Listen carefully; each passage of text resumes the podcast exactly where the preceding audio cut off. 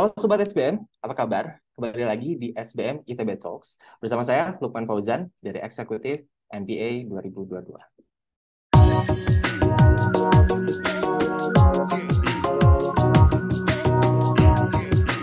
Sobat SBM pastinya hari ini Lukman gak akan sendiri. Lukman hari ini akan ditemani oleh dua narasumber yang keren banget dengan segudang skill, segudang experience yang mereka miliki. Yang pertama itu ada Nur Islami Jafar atau bisa kita panggil sebagai Bang Jeff. Di mana Bang Jeff ini merupakan alumni dari Entrepreneur MBA ITB dan uh, Bang Jeff ini pun merupakan Chief DEA Sharing Vision Indonesia, sekaligus jadi co-founder dari Business Initiative Movement atau BIM, dan sekaligus jadi Vice President Startup Bandung. Nah, selain Bang Jeff, uh, pastinya narasumber kita kedua ini gak kalah keren, itu ada Naufal Damira Shiva, yang di mana Naufal ini merupakan mahasiswa kewirausahaan SBM ITB, yang di mana Naufal juga adalah seorang ketua himpunan kewirausahaan SBM ITB dan di, uh, Noval pun adalah first winner of Ideas Business Plan Competition 2022. Oke, okay, uh, langsung aja kita sambut. Ini dia narasumber kita. Selamat malam, Bang Jeff dan Naufal. Halo, selamat malam. Ya, selamat malam. Ya, selamat datang ya di acara Road to uh, Creanesia 2022.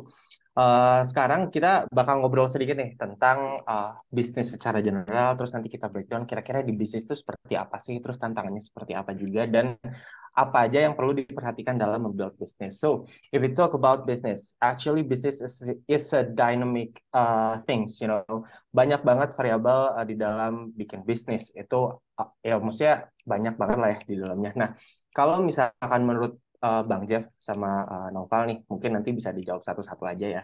Dari Bang Jeff sendiri, menurut Bang Jeff, untuk saat ini nih, um, bisnis yang ideal tuh kayak gimana sih Bang Jeff? Boleh kasih tahu nggak?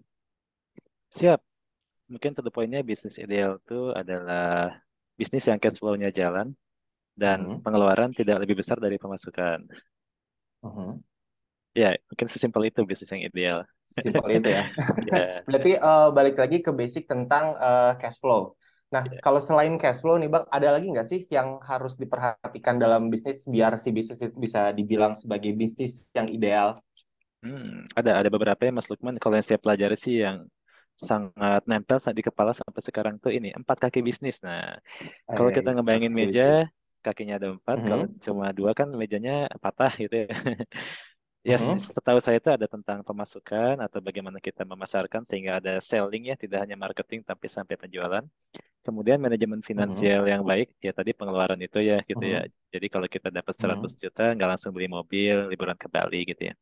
SDM atau tim yang baik ya, tim yang kompak gitu ya.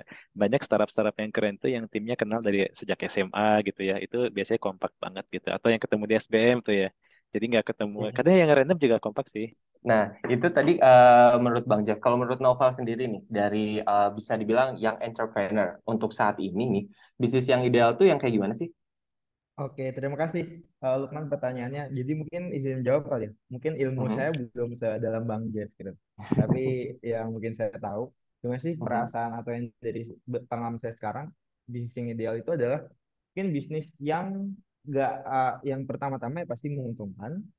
Yang uh-huh. kedua saat kita menjalani setiap hari itu senang aja gitu kayak kita nggak ngerasa jalanin bisnis itu sebuah hal yang overwhelmed dan capek tapi kita ngerasa get refreshed again and again in each every uh-huh. day when we're doing our business jadi jadi semacam ikigai kita untuk menjalani hari gitu yang kedua uh-huh. dan yang ketiga oh. mungkin ya hanya satisfy uh, intelligence need dari kita sendiri tapi juga satisfy needs dari orang lain dalam hal kita pasti dalam buat bisnis punyalah keinginan tersendiri uh-huh. yang pengen kita buat dalam bisnis kita nanti misalkan saya ingin punya bisnis F&B yang gimana gimana gimana tapi uh -huh. pasti da, uh, di, di sisi lain dari intelligence need kita kita perlu harus menyesuaikan dengan needs dari orang lain apakah pada akhirnya intelligence need kita ini sesuai dengan needs yang dimau orang nggak sih dalam buat bisnis itu jadi tiga sih kalau menurut saya okay. yang pertama uh, getting profit uh, uh -huh. yang kedua menjalani setiap hari itu kita semangat dan yang ketiga tadi satisfy need nggak hanya untuk kita tapi untuk orang lain gitu sih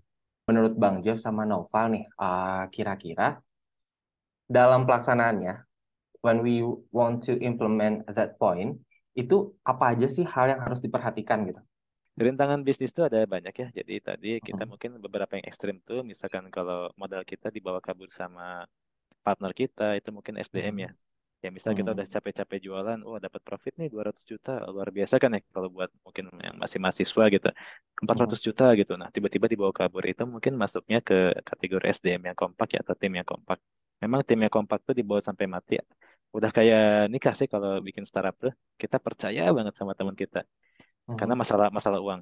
Terus tadi ya tentang operasional juga yang sempat saya mention tuh, kalau kita misalkan marketing tadi ya, marketing kan challenging banget tuh supaya bisa sukses. Nah, ketika marketing kita sukses, banyak yang pengen beli tapi operasional nggak kuat ya akhirnya dia drop juga gitu si si brand bisnisnya gitu ya. Jadi emang ada banyak sekali tantangan di bisnis yang apa ya? Ya kita harus hadapi satu-satu sih ya. gitu. Nah, kalau menurut Naufal sendiri itu kayak gimana? Rintangan bisnis untuk saat itu yang dilihat oleh Naufal itu seperti apa sih? Oke, uh, kalau menurut aku sendiri ya, sebagai seorang mahasiswa yang entrepreneur dan juga di sini uh, kebetulan belajar di bidang wirausaha gitu. Aku banyak juga dengar kisah-kisah dari alumni, banyak dengar kisah dari orang-orang gimana sih cara bikin bisnis dari awal. Aku banyak dengar kisah dari teman-teman, dari mungkin orang tua orang tua, nah bikin bisnis. Jadi selama itu aku menyimpulkan ada tiga hal sih sebenarnya yang penting dalam buat bisnis. Pertama uh, adalah mindset, yang kedua hmm. spirit, yang ketiga mental. Jadi, nah, menurut Naufal dan Bang Jeff, untuk saat ini nih, tren bisnis secara general itu seperti apa sih? Mungkin bisa dijelasin dulu oleh Naufal. Oke, mungkin uh, untuk hal ini yang lebih tahu Bang Jeff ya. Mungkin aku bisa kasih tahu yang aku tahu. Tren sekarang tuh lebih ke arah, kalau yang aku lihat ya, lebih ke arah uh, di digital gitu sih aku lihat uh, walaupun kita pada akhirnya punya bisnis yang offline tapi pada akhirnya semua orang tuh mulai switching ke digital. Mulai seorang sekarang semua bisnis hampir punya sosmed hampir punya pembayaran cash flow dan lain-lain. Jadi aku lihat uh, bisnis model tetap gitu saling uh, tukar menukar barang secara offline. Tapi mungkin channelnya diperkaya melalui kehadiran dalam bentuk digital. Dan ini aku lihat sebagai sebuah peluang yang mana sekarang udah juga marak nih uh, metaverse gitu-gitu ya. Jadi aku lihat pada daerah ruang dunia digitalnya akan semakin mampu lebih banyak dieksplor oleh bisnis-bisnis ke depannya. Tapi uh, nggak menampik kalau ini tuh justru nggak akan mengurangi interaksi kita di dunia nyata atau offline. Cuma hanya akan menambah channel interaksi aja sih kalau yang aku lihat gitu. Oke, itu dari Noval. Uh, poinnya adalah tren saat ini memang semua udah mulai bergerak ke digitalization ya. Nah, kalau menurut Bang Jeff itu gimana? Yes, keren banget tuh Mas Novel. Tren akhir-akhir ini ini ya, simply lowest capex, start small, berkembang cepat. Wah. Bahasa Inggris apa ya? Grow fast. Ya. Yeah. Jadi emang tadi tren digital tuh memungkinkan kita untuk memulai bisnis dengan capex yang low ya. Jadi kalau zaman dulu mungkin kalau kita mau buka bisnis, zaman dulu tuh zaman saya 2005 ke bawah lah gitu. Mungkin kita butuh 200 juta, mungkin mau buat minimarket butuh 2 miliar gitu ya. Kalau digital kita bisa modal dengkul gitu ya. Ini mungkin ya ada juga salah satu yang startup yang saya invest itu dia modalnya hanya 10 juta rupiah, malu juga jadi investor cuma invest 10 juta. Tapi dia menjadi salah satu bisnis digital yang nomor satu di dunia di segmennya sempat hit nomor satu gitu. Kan biasa ada persaingan gitu ya. Itu di dunia Web3 sih sebenarnya gitu. Bayangkan 10 hmm. juta bisa jadi global number one walaupun spesifik. Akhirnya 10 jutanya nggak kepake teman-teman. Jadi modal kita beneran dengkul. Hmm. Itu cuma buat ini petty cash gitu. Yes, tadi benar. Jadi hmm. digital itu bisa bikin kita buat bisnis, tapi nggak nggak ngeluh modalnya dari mana gitu. Ternyata dari dalam diri kita sendiri tadi yang MSE mungkin ya. So, if we talk about bisnis, pasti banyak banget variabel yang bisa kita bahas. Tadi kita udah bahas tentang core bisnis itu seperti apa, terus tantangan bisnis saat ini kayak gimana, lalu apa aja yang harus diperhatikan. Nah, salah satu hal dalam build bisnis juga adalah community, komunitas, event, terus um, apa connection. Nah, menurut Bang Jeff sendiri nih sama Noval, if we talk about business, seberapa penting sih peran komunitas untuk bisnis? Yes, jadi thank you Mas Lukman tentang community itu penting banget. Ya ini mungkin yang kaos yang lagi saya pakai itu Startup Bandung, salah satu community senior startup di mhm. Bandung. -hmm. Ada yang sampai valuasinya triliun juga, keren-keren lah gitu. Kebetulan lagi jadi pengurus ada juga yang BIM itu isinya muda-muda. Kita ada 2.500 entrepreneur di Jawa Barat. Yang bikin juga ini alumni SBM S2 ITB itu akhir 2016. Kemudian ya mungkin tadi ada seperti Hima IMK Arta, Hima S2 dan ada itu kalau di ITB ada TC kayaknya ada banyak deh community itu penting banget karena kita di situ bisa bergaul bisa kenalan bisa curhat bisa diskusi nah tadi ya mungkin um, yang pengen saya highlight itu sebenarnya 2020 2021 itu malah sangat amat penting karena kita lagi hmm. pandemi dan nggak boleh keluar rumah ya WAG lah itulah yang bikin kita bahagia gitu bisa ngezoom gitu ya ya, ya masih bisa hidup lah gitu Berarti penting banget ya, Bang Jeff, uh, peran komunitas untuk bisnis itu ya. Ya, betul, betul. Nah, kalau menurut Noval sendiri nih, dari sudut pandang uh, yang entrepreneur dan sebagai ketua himpunan uh, SBM juga, itu eh, ketua himpunan kewirausahaan ya lebih tepatnya, itu menurut Noval gimana? Penting nggak sih? Seberapa penting sih si komunitas ini untuk bisnis? Ah, ini menarik banget nih poinnya. Karena kebetulan aku sendiri juga nggak lagi nge-grow bisnis yang memang dia community based platform. Mungkin teman-teman sobat SBM nih bisa kepoin di Instagram at melt.underscore id gitu. Uh, M E A L T H underscore ID mungkin bisa dikepoin. Hmm. Jadi aku di sini sama teman-teman lain itu lagi nge-grow juga sebuah bisnis yang berbasis komunitas. Yang mana di sini komunitas berawal dari komunitas uh, eating disorder gitu. Jadi mereka saling sharing, saling sharing kira-kira apa yang terjadi dalam masalah mereka dan mungkin mereka yang sembuh udah bisa membantu mereka yang lagi struggling, mereka yang struggling bisa cerita ke sesama yang struggling, mereka yang struggling bisa cerita gimana sih cara sembuh ke yang sembuh. Jadi pada era peran community di sini sangat penting khususnya untuk apa? Untuk exchange information gitu. Untuk bertukar informasi, pendapat dan pikiran. Apalagi di era sekarang gitu ya. Bukan era competition, competition lagi tapi era collaboration gitu, co-creation. Jadi kita di mana bisa saling berkolaborasi, kita bisa saling menyelesaikan masalah satu sama lain. Jadi itu aku melihat peran community sangat penting, nggak hanya untuk keberadaan sebuah bisnis, khususnya aku yang lagi mengembangin bisnis community based platform, tapi juga dari komunitas eksternal gitu, semacam yang Bang Jeff bikin tadi, Startup Bandung, BIM dan lain-lain, dan juga uh, yang lagi lagi aku bikin sekarang gitu dari IAM ke Arta itu sendiri. Karena aku lihat seorang seorang pebisnis itu uh, ini profit itu profit dari seorang pebisnis tidak hanya dihitung dari cash yang dia punya, tapi aku juga lihat dari network yang dia miliki gitu. Jadi profit itu is just not about uh, cash, tapi menurutku network juga merupakan satu profit yang paling penting di era sekarang, khususnya di era kolaborasi. Karena dengan adanya network, kita akan mampu mudah untuk mendapatkan akses, tidak hanya akses tapi mendapatkan informasi kira-kira kita bisa collab dengan siapa, kita bisa membuat produk kita dengan siapa, atau bahkan kita bisa mendapatkan vendor dengan harga yang lebih murah dan lain-lain. Jadi aku pikir peran community di era sekarang itu sangat penting untuk nggak hanya keberjalanan sebuah bisnis, tapi untuk juga keberjalanan uh, sebagai eksternal dari bisnis itu sendiri untuk mendapatkan informasi. Oke, mantap. Berarti memang sangat penting ya menurut Bang Jeff, menurut Noval juga komunitas itu untuk satu bisnis itu perannya emang cukup luar biasa. Bukan cuman tadi betul, bukan cuman secara cash yang bisa kita dapat untuk dibilang profit, tapi networking, terus knowledge, uh, apa produk produk marketing dan masih banyak lagi yang bisa kita dapetin dari satu komunitas ini. Dan kalau misalkan kita uh, ngomongin tentang komunitas nih sobat SBM pastinya itu gak akan lepas dari yang namanya event. Nah, si event ini pun kayak salah satu uh, event yang diselenggarain sama SBM ITB, uh, yaitu adalah Kreanesia.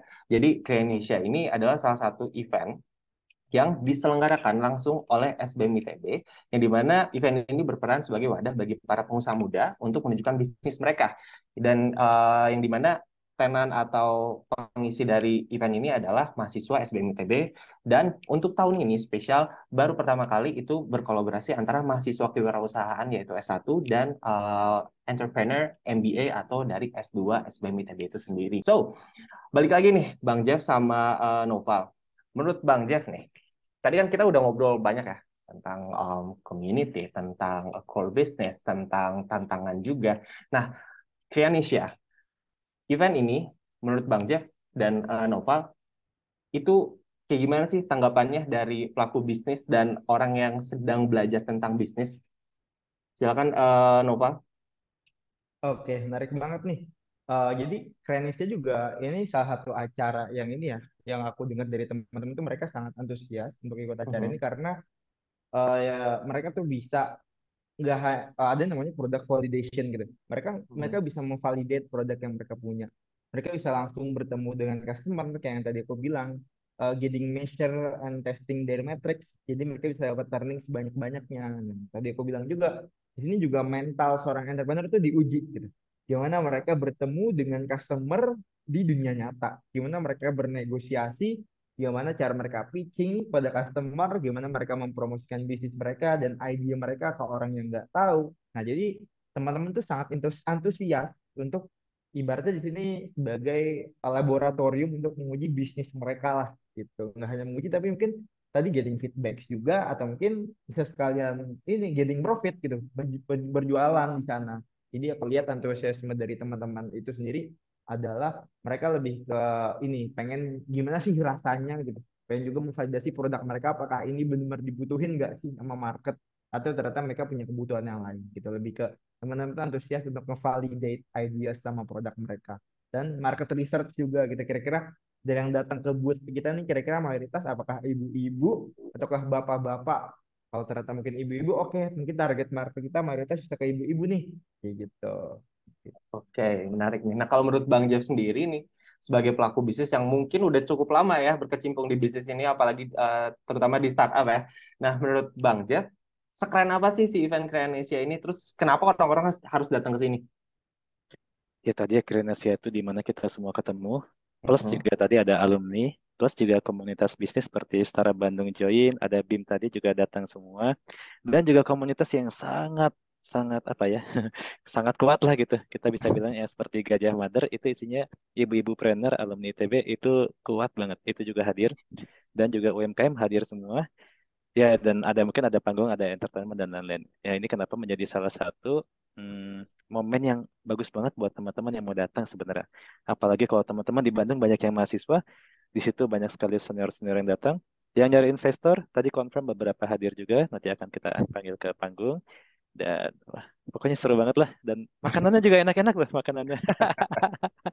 Tetap ya, jadi highlight makanan ya. Karena kan udah keliling-keliling pasti lapar kan, harus makan iya. juga. Makanya produk-produk yang ada di Krenesia pastinya harus beli di situ ya. Betul. Oke, Bang Jeff menarik nih. Tadi udah ngobrol tentang event ini ya. Nah, tadi juga sebelumnya kita udah ngobrolin tentang beberapa tantangan di dunia bisnis. Nah, menurut Noval dan Bang Jeff nih, apakah si Kreanesia ini akan menjawab tantangan-tantangan di dunia bisnis seperti yang tadi udah dijelasin? Terus, uh, seberapa impactful sih si event ini tuh? Silakan Noval mungkin bisa dijawab. Oke, menarik juga nih. Kira-kira gimana sih Krenesia mungkin bisa menjawab tantangan yang tadi udah kita bahas gitu ya. Menurutku ini akan sangat berguna khususnya tadi untuk teman-teman itu bisa uh, gaining the network. Jadi di sini mereka bisa mendapatkan network sebanyak-banyak yang nggak hanya dari customer, mungkin ternyata ada investor dari yang Bang Jeff bilang tadi, ada juga mungkin nanti komunitas-komunitas startup dari BIM, startup Bandung. Jadi aku pikir di sini uh, salah satu awal mula uh, gimana cara kita bisa menyelesaikan masalah ya dengan cara mungkin bertemu network-network seperti ini gitu. Karena menurutku mungkin misalkan startup kita sebelumnya punya masalah marketingnya kurang berjalan dengan baik. Mungkin suatu saat nanti di Krenesia mungkin kita bisa bertemu dan share dengan komunitas kita bisa bertanya-tanya kira-kira gimana sih strategi marketing kalian yang mungkin bisa kita implement di bisnis kita. Jadi aku lihat di sini Krenisnya bisa juga nggak hanya sebagai di sana mereka untuk networking, jadi untuk sharing juga gitu. Jadi di sini mungkin bisa menyelesaikan masalah yang mereka hadapi sekarang dengan sharing-sharing nanti, sharing-sharing nggak hanya dengan investor juga mungkin banyak juga alumni-alumni yang datang gitu, yang udah di sini benar-benar ngejalanin bisnis di dunia nyata kayak begini loh gitu. Jadi mungkin bisa dibantu ilmu-ilmu praktikalnya kepada teman-teman kewirausahaan yang mungkin di sini masih teori teorikal juga gitu ya. Jadi di sini butuh insight dan butuh pandangan lah kira-kira di praktikal tuh kayak gimana. Mungkin ini nanti bisa didapat nih dari sharing-sharing nanti bareng alumni, bareng komunitas dan lain. Jadi kalau aku lihat Krenisha ini bisa sebagai satu sarana mereka untuk jadi network untuk apa? Dari network ini mungkin mereka bisa mencari apakah root cause yang mereka hadapi di startup mereka tuh ternyata ada solusinya di network ini, di wadah ini. Kayak gitu sih aku ngelihatnya. Oke, menarik nih Noval. Nah, kalau menurut uh, Bang Jeff sendiri, itu seperti apa? Apakah si Kreanesia ini akan menjawab semua tantangan-tantangan bisnis yang tadi udah kita uh, bahas? Yes, thank you Kang Lukman. Jadi hmm, mungkin tiga minggu lalu uh -huh. ada teman-teman BIM kita tuh lagi pada bersedih tuh. Mereka tuh pasang booth pasang tenan ya gitu ya. Di beberapa mall di Bandung kan lagi rame ya event offline. Ternyata ada di beberapa titik yang mana nggak ada customer yang datang yang tadinya pameran lima hari jadi tiga hari padahal bayarnya misalkan 2 juta gitu kan. Kalau buat yang baru mulai kan kerasa gitu ya 2 juta. Akhirnya cuma balik lima ratus ribu ya pada sedih. Maksudnya begini kerennya sih kenapa kita bikin di Ciwok di pusat kota bareng-bareng sama semua teman-teman. Dan juga rame banget sama semua mahasiswa semua community ya kapan lagi kita seru-seruan di Bandung di akhir tahun di mana kalau kita jualan ya tadi ya bisa laku gitu ya jadi bisa bangkit lagi tuh. Bahkan itu saya dengar dari yang daftar boot kerenas itu ada 100 lebih loh teman-teman untuk memperebutkan total ya mungkin 40 tenan ya sesuai arahan 40 boot sesuai arahan dari Satgas gitu ya. Jadi memang betapa mereka inginnya join ke kerenas ya teman-teman gitu. Makanya kerenas itu menjadi sesuatu yang bakal rame karena semua pengusaha itu bakal datang yang lolos ataupun tidak ya tadi ya ada logonya kok semua tenang teman-teman gitu ya makanya ketika kita ada challenge ya tadi kembali ke challenge untuk berjualan mungkin salah satu opportunity-nya di Kreasia ya challenge buat nemuin SDM bisa jadi bisa kenalan di Krenasia. Challenge buat dapat tadi operasional ya kan ada operating fund dan lain-lain tuh ya. Bisa juga papasan sama investor di Krenasia gitu ya. Oh jangan-jangan ketemu sama dosen-dosen SBM yang luar biasa tuh yang udah siap kawasan. Itu juga cuma di Krenasia gitu ya. Ada Mas Novel juga tuh yang mau collab sama IMK. Ada standnya loh di Krenasia. Wah cakep banget. Iya. Oke oke oke menarik nih. Jadi so dari Bang Jeff sendiri dan uh, Noval, ini kita masuk ke pertanyaan yang mungkin agak personal ya. dari Bang Jeff nih, uh, sebagai pelaku bisnis, terus aktif di startup Bandung juga, kira-kira harapan dari Bang Jeff sendiri dengan adanya event Kreanesia ini tuh apa sih? Harapannya ini ya, bakal jadi acara yang pecah, berkesan, seru, juga laris manis. Oke, kalau dari Noval sendiri harapannya apa? harapannya kalau dari aku Indonesia ini bisa melahirkan kembali nanti semangat semangat teman-teman yang mungkin tadi sempat kayak Lukman bilang ya bingung bikin bikin bisnis tuh kayak gimana gimana sih caranya bisnis yang keren tuh contohnya apa aja sih jadi bisa melahirkan kembali beratus-ratus beribu-ribu bahkan berjuta-juta entrepreneur lainnya di Indonesia melalui event Indonesia ini. Oh, Oke, okay. itu menarik banget nih. Nah, terakhir nih, dari Bang Jeff sama Noval. Mungkin uh, pesan-pesan untuk sobat SBM yang mau datang ke event Indonesia ini apa sih? Dari Bang Jeff dulu boleh. Dari saya teman-teman semangat ya. Wah, tapi jangan terlalu semangat. Jadi kita harus tetap jaga kesehatan. Oke, okay. dari Nova? Kalau dari aku pesannya untuk teman-teman yang pengen datang ke Indonesia nanti uh, kata Bang Jeff ya, datang dari pagi, kita ikutin acaranya dari awal sampai selesai, karena bakal banyak banget hadiah, door prize kejutan, dan event yang menarik di acaranya nanti. Jadi, stay tune dan update terus di sosial media kita. Oke, sip. Mantap banget. Terakhir banget, dari Bang Jeff sama Noval, tiga kata untuk Kreanesia. Dari Bang Jeff dulu. Yes, Bang Jeff, ini terakhir deh, terakhir deh buat uh, Bang Jeff sama Noval. Tiga kata untuk Kreanesia. Dari Bang Jeff dulu deh. Keren Asia ada karena teman-teman. Asik, mantap. dari Nova? Kalau dari aku tiga kata mencemarkan Keren Asia ya. Uh, network, seru, dan pecah. Oke, okay, network seru dan pecah. So, thank you so much untuk Bang Jeff dan Noval juga udah sharing banyak banget hal uh, di sesi uh, di sesi kali ini. So, sobat SBM tadi kita udah ngobrol banyak tentang Kreanesia, tentang bisnis dan jangan lupa untuk Ikutin terus sosial media kita. Jangan lupa untuk subscribe, komen, dan like YouTube channel kita di at SB, di SBMITB. Dan uh, jangan lupa follow juga Spotify kita di SBMITB. Saya Lukman Fauzan. Terima kasih. Assalamualaikum warahmatullahi wabarakatuh. SBMITB. For the greater good.